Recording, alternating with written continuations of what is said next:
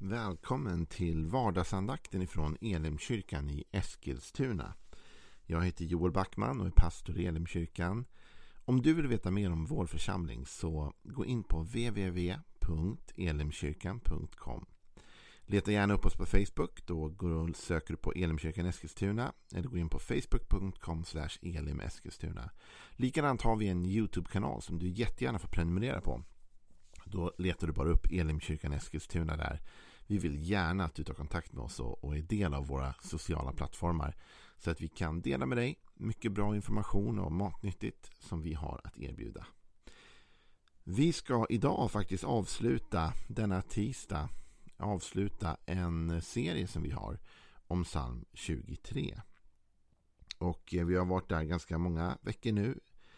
Och eh, det är en psalm som är skriven av David och som rymmer väldigt mycket. Och nu vill jag försöka knyta ihop säcken lite grann då idag. Men vi börjar med, som vi har gjort alla gånger hittills, att vi läser hela psalm 23. Så här står det. En psalm av David. Herren är min herde, ingenting ska fattas mig. Han för mig i vall på gröna ängar, han låter mig vila vid lugna vatten. Han ger mig ny kraft och leder mig på rätta vägar, sitt namn till ära. Inte ens i den mörkaste dal fruktar jag något ont, ty du är med mig. Din käpp och din stav gör mig trygg. Du dukar ett bord för mig i mina fienders åsyn. Du smörjer mitt huvud med olja och fyller min bägare till bredden. Din godhet och nåd ska följa mig varje dag i mitt liv och Herrens hus ska vara mitt hem så länge jag lever. Som inledning på den här sista delen av psalm 23 så vill jag stanna upp inför det faktum att den här psalmen är en herdesalm. Och herdesalmer de handlar ju om vandring. En herde för ju fåren på en vandring till mat, till ställen där de finner ro och så vidare. Och så beskrivs ju hela den här salmen som en vandring, som en resa där Gud för sitt folk på en vandring. Och David han tar ju utgångspunkt i sin egen erfarenhet. Han är själv fåraherde. Och sen så beskriver han då hur, hur Gud vallar honom. Hur Gud leder honom som en fåraherde skulle ha lett sin jord. Han förs i vall på gröna ängar. Han får vila vid lugna vatten. Han får ny kraft. Han leds på de rätta vägarna. Han kommer igenom mörka och svåra passager på den här resan. Den mörka dalen. Men han är inte rädd därför Gud är aktivt med honom på den resan. Han talar om att Gud dukar ett bord för honom i hans fienders åsyn och att hans huvud smörjs med olja. Och vi talar om att det handlar liksom om att allt det David är, är han på grund av herden. David blev smord till kung över Israel från en herdepojke till kung och att det var Gud som tog honom på den resan. Det var herden som ledde honom till den plattformen, till den nivån som han inte kunde komma till själv men som Gud leder honom till. Och eh, hans bägare överflödar. Gud är en god Gud, en Gud, en herde som inte snålar in, som inte är, är liksom onödigt försiktig utan en herde som verkligen är beredd att dela med sig av allt det goda som han har att ge. Godhet och nåd förföljer honom, faktiskt är det David säger. Eh, it, it pursues me. Eh, eh, det förföljer mig. Det är väldigt intressant att han talar på det sättet. Pursue me. Och så kommer vi till och Herrens hus ska vara mitt hem så länge jag lever. Och då talar vi om att kärleken till Guds hus och att David visade liksom att när han hade uppnått allt han kunde och ville uppnå i livet på något sätt så vände han sitt fokus till det som hade med Gud att göra, med Guds rike att göra. Och David blev en av de liksom verkligen största förespråkarna för att bygga ett Guds hus, ett Guds tempel. Att investera i det som har med Gud och med hans rike att göra. Och hans uppmaning till oss blir ju därmed densamma, det vill säga investera i någonting större än dig själv.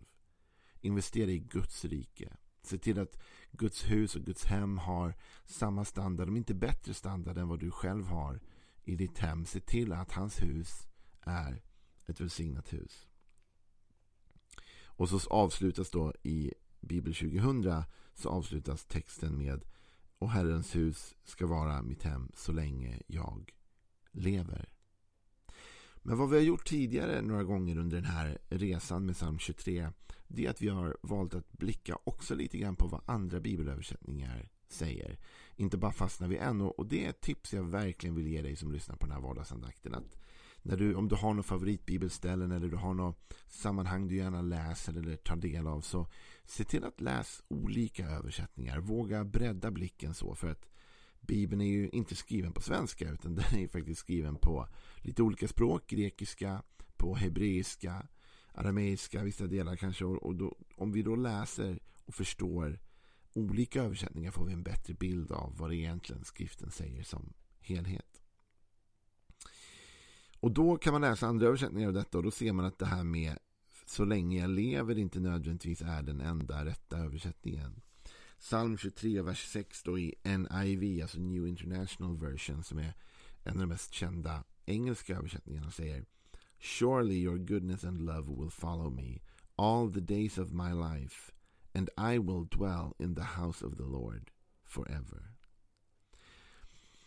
Så här talas det om att I will dwell in the house of the Lord. Alltså jag kommer att vara bosatt i, i Herrens hus för evigt. Forever. För evigt.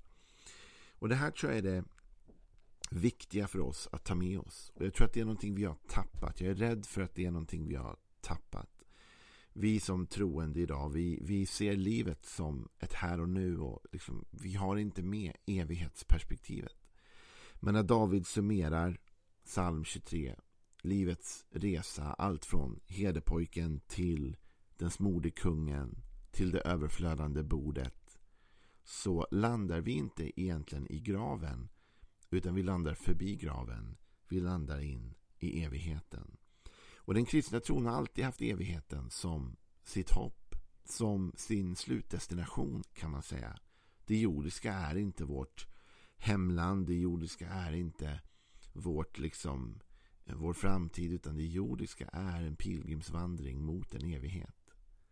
Och Jesus i sitt av, avskedstal från sina lärjungar när han är på väg upp till korset för att faktiskt dö för dem så säger ju inte Jesus till dem så här att det här är det sista gången vi ses. Han säger inte liksom det här är slutet nu och tack och adjö utan, utan Jesus säger jag går före er och går jag före er och bereder plats för er för att jag också ska komma och hämta er dit jag är. Och, så Jesus ger dem redan där evigheten som någonting att hålla framför sig. Vi kommer mötas igen. Ja, det är klart att Jesus uppstår på jorden när de möts igen en kort tid här. Men vi vet att ganska snart lyfts han upp till sin fader och säger Jag kommer komma tillbaka och hämta er. Jag går för att förbereda marken för er. Men jag kommer tillbaka igen. Evigheten. Vår resa slutar inte på jorden utan i evigheten. Och det är därför vi ibland som troende, som kristna tjatar om himmel och, och tjatar om helvete ibland också pratar om att vad kommer sen? Vart är vi på väg? Vad, vad blir slutdestinationen för dig och för mig? Det är för att vi lever med en insikt om att det jordiska är tillfälligt och det är inte slutdestinationen. Utan det finns en annan slutdestination som du och jag är fria att välja. Om vi vill välja att följa Jesus in i det himmelska eller om vi inte vill följa honom och då finns det en annan utgång för det. Men jag vill att vi ska få förstå hur viktigt det är att leva med perspektiv i livet. Att inte bara leva här och nu. Eh, och eh, då ska jag säga någonting kort innan det bara om att här och nu är viktigt. Jag tror att det svänger alltid i allt. Inte, inte minst i tro också. Och det fanns en period tror jag då den kristna tron var bara fokuserad på evigheten och framtiden. Kanske så pass mycket att man helt försakade nuet i vissa på vissa områden. Eh, och det gjorde att när vi sen kom på det att vi har haft lite för lite fokus på här och nu då började vi överfokusera på här och nu till bekostnad av det eviga. Men sanningen är ju den att det behöver finnas en sund balans därför att det är här och nu som Gud vill duka ett bord för dig och då säger du men hur kan jag veta att han vill göra det här och nu? Att inte den versen talar om himlen. Jo men det står att du dukar för mig ett bord i mina ovänners åsyn. Jag hoppas verkligen att inte mina ovänner är med mig uppe där. Alltså. De får gärna vara någon annanstans. Behöver inte vara med mig uppe där. Utan ovänner har vi ju här, eller hur? På jorden. Jag har inte ovänner i himlen. I himlen är allting frid och fröjd. Och glädje och kärlek råder. Nej, Här på jorden dukar Gud ett bord för oss och han vill hjälpa oss här och nu. Till den rike ynglingen så säger Jesus Gå och sälj allt du har och ge till de fattiga. Och så berättar han då liksom när Petrus ifrågasätter men, men vi har ju lämnat allt och säger Jesus Ja men för den som har lämnat allt och följt mig den personen ska få hundrafalt igen. Här i världen, säger Jesus, ska han få hus och hem och bröder och systrar och åkrar mitt under förföljelse.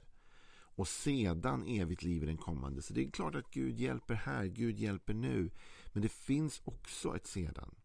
Och om vi tappar perspektivet på sedan, om vi tappar perspektivet på in the house of the Lord forever, för evigt. Då tappar vi också perspektiv och då börjar vi agera och leva på ett sätt som kanske inte alltid är det bästa.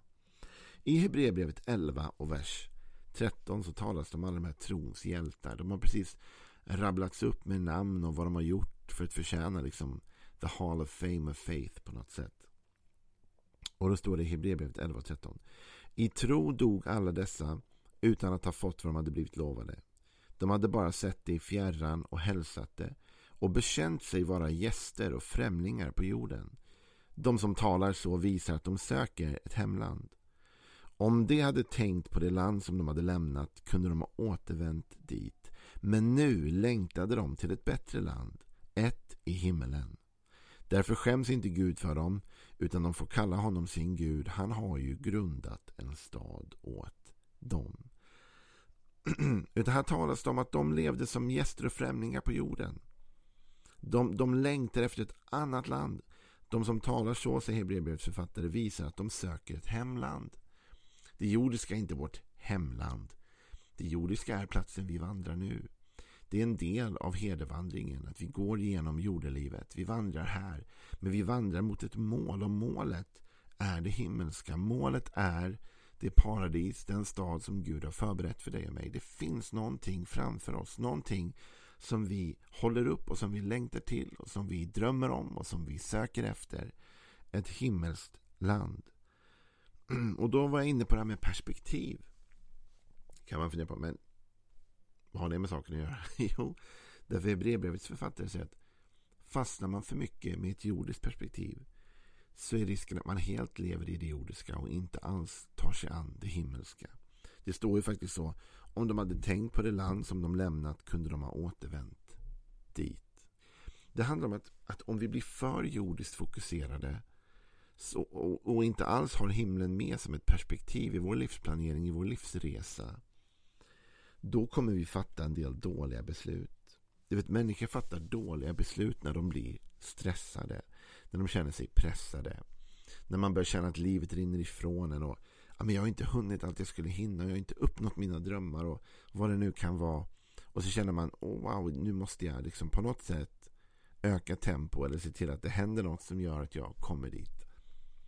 Men den som lever med ett evighetsperspektiv den vet att man kan dö utan att ha sett sina löften uppfyllda. Så stod det här. De dog utan att ha fått vad de hade blivit lovade. Och då måste man säga så här, aha, men om en del av de här dog utan att ha fått vad de hade blivit lovade av Gud, var då Gud en lögnare? Och en del kanske skulle säga, ja så måste det vara. Om han har lovat någonting och de fick det inte och så dog de, ja då är ju Gud en, en lögnare. Men det bibliska perspektivet är inte så. Gud var inte en lögnare mot dessa människor därför att de har sannoliken fått vad de blev lovade. Men de har kanske inte fått det precis just här och nu. Utan de lever vidare i en evighet. Och i den evigheten gör Gud absolut rätt för sina löften. Han gör det han har lovat dessa människor. Så du och jag, om vi lever med ett himmelsperspektiv, är mer avslappnade, inte så stressade, inte så pressade. Om vi upplever att men jag får inte det jag borde, eller jag har inte nått dit jag ska, eller det händer inte som jag vill. Min vän, det finns en evighet för dig och mig. Det finns gott om tid för Gud att förverkliga alla sina löften i ditt liv. Och han kommer och han vill göra det. Den här hedersalmen slutar inte i graven. Den slutar i himmelen. Och du och jag, vårt liv behöver inte heller sluta och ska inte och kommer inte sluta i graven. Utan slutar också det i himmelen. Och därför så ska vi ha ett längre perspektiv. Med det önskar jag dig en välsignad tisdag och hoppas att du är med imorgon igen då vi tar oss an lite nya grejer. Så vi hörs imorgon. Ha en bra dag. Hej då.